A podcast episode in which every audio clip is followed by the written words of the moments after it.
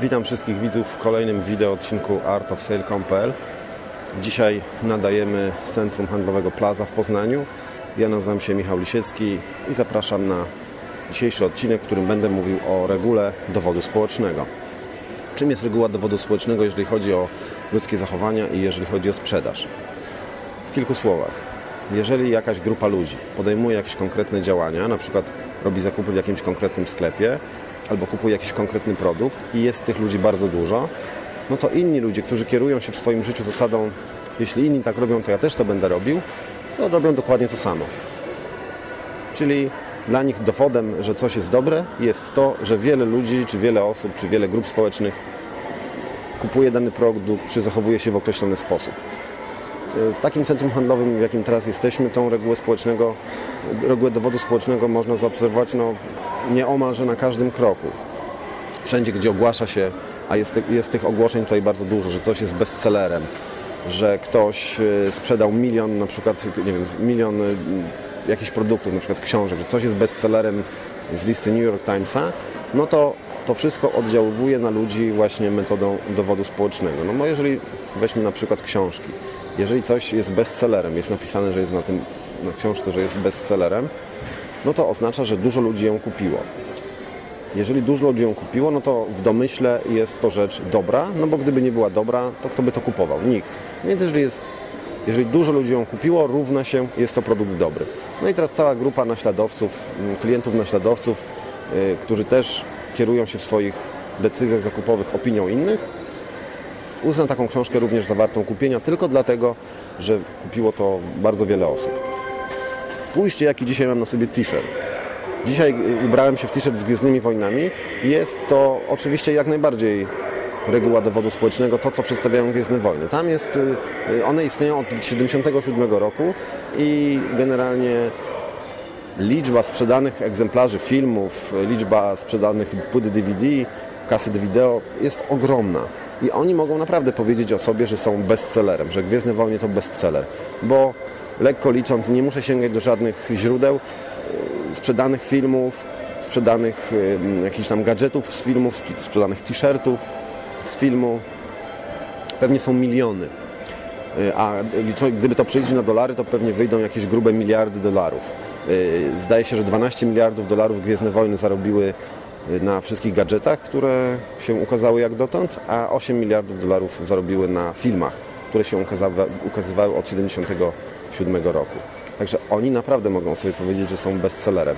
Natomiast gdyby chcieć iść trochę na skróty, to można za pomocą naklejki czy etykietki na produkcie bestseller, czyli tej reguły dowodu społecznego, można przekonać ludzi, że towar, który tak naprawdę nie schodzi, albo towar, który nie jest tak naprawdę bestsellerem, żeby go ludzie kupowali.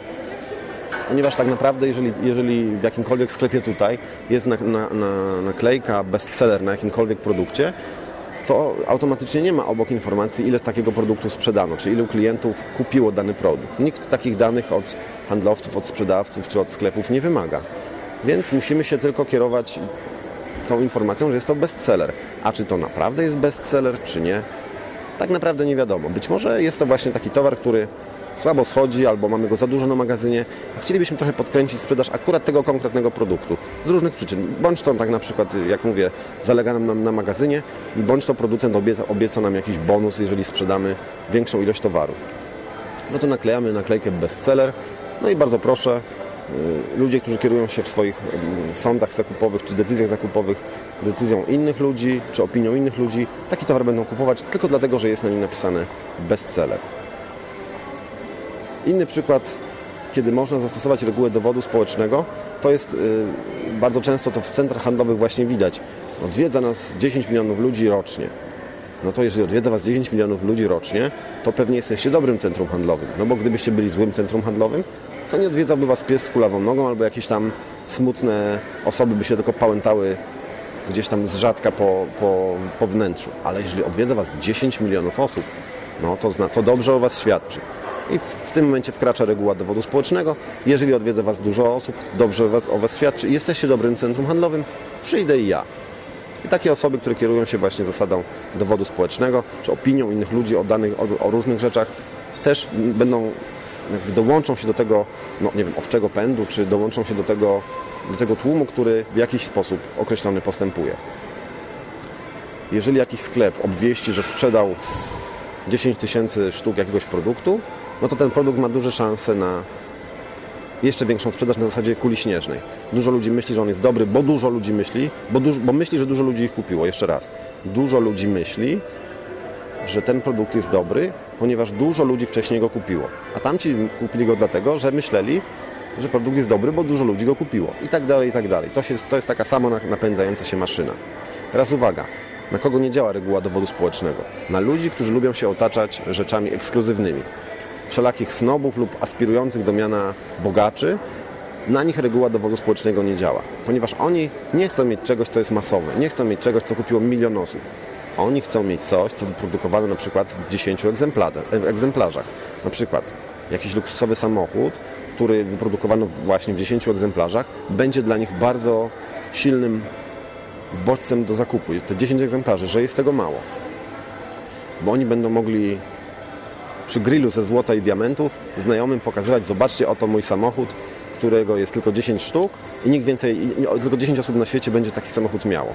A jak ktoś powie, a ja mam Volkswagena, y, którego wyprodukowano w 100 milionach egzemplarzy, to parskną uśmiechem w twarz, bo dla nich to nie jest żaden, żaden, żaden, żaden prestiż. Także pamiętajmy, że jeżeli chcemy, musimy oczywiście w swoich decyzjach biznesowych kierować się taką, taką informacją, do kogo chcemy uderzać, do jakiego rodzaju klienta chcemy kierować naszą ofertę. Jeśli ma to być klient masowy, czyli taki właśnie masowy naśladowca, że on y, będzie naśladował ludzi, którzy zrobili coś takiego samego przed nim, to ok, to możemy z ofertą na zasadzie dowodu, reguły dowodu społecznego do takich klientów y, uderzać. Możemy startować do nich z taką ofertą. Natomiast jeżeli zależy nam na klientach ekskluzywnych, bogatych, którzy w domyśle lubią otaczać się dobrami rzadkimi, ekskluzywnymi, to raczej tutaj odradzałbym stosowanie reguły dowodu społecznego z tych powodów, dla których przed chwilą powiedziałem, że przy grillu ze złota i diamentów oni nie będą w stanie się pochwalić, że ma, ma, coś na ręku, czy ma coś na sobie, czy stoi mu w garażu, coś, co wyprodukowano w małej liczbie egzemplarzy i kupiło to bardzo niewiele osób. Także pamiętajmy o tym, jeżeli będziemy chcieli stosować regułę dowodu społecznego. Na dzisiaj to wszystko. Bardzo Wam dziękuję za uwagę. Z tej strony Michał Lisiecki. Pozdrawiam, żegnam się i do zobaczenia w następnym odcinku. Cześć!